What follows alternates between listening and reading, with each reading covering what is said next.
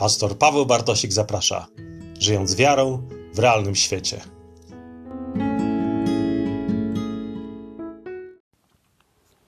Cześć, witajcie w kolejnym odcinku podcastu Żyjąc wiarą w realnym świecie. Z tej strony pastor Paweł Bartosik.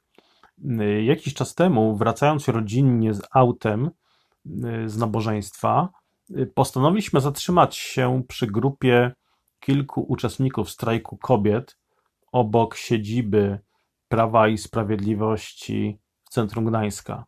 Dyżuruje, dyżurowali tam wówczas z banerami, hasłami od wielu dni, y, zmieniając no, jedynie warty. Y, mając na sobie koszulę z koloratką, podszedłem do nich z termosem, z gorącą kawą, z kubkami. Przedstawiłem się jako pastor i zapytałem, czy mają ochotę się napić czegoś rozgrzewającego. Mm, chętnie wszyscy skorzystali.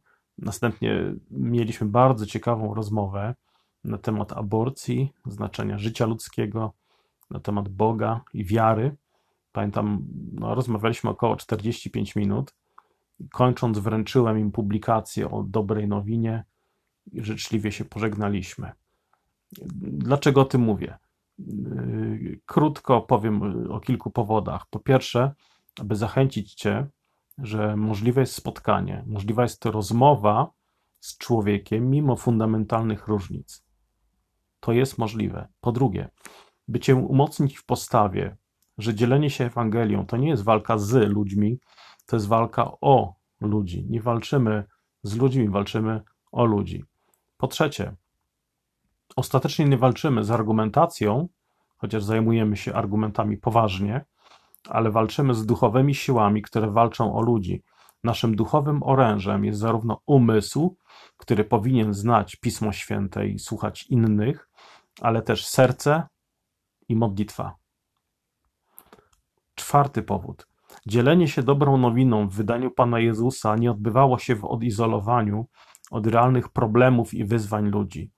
Pan Jezus nie był również neutralny w swoim stanowisku, na przykład wobec niemoralności. Piąta rzecz. Służba Chrystusa to spotkanie łaski i prawdy. Nie jedno lub drugie. Oba. Okazując miłość człowiekowi, nie bój się stanąć w obronie prawdy. Zaś stając w obronie prawdy, upewnij się, że towarzyszy temu miłość do człowieka. Szósta rzecz. Służba Chrystusa to dobro niesione zarówno duszy, i ciału, całemu człowiekowi, nie jego połowie. I ostatnia rzecz, jeżeli nie jesteś chrześcijaninem, chciałbym zaprosić Cię do rozmowy. Po prostu zwyczajnej rozmowy, dialogu, spotkania przy kawie. Mogę Ci jedynie obiecać, że będzie smaczna. Niech Bóg Ci błogosławi.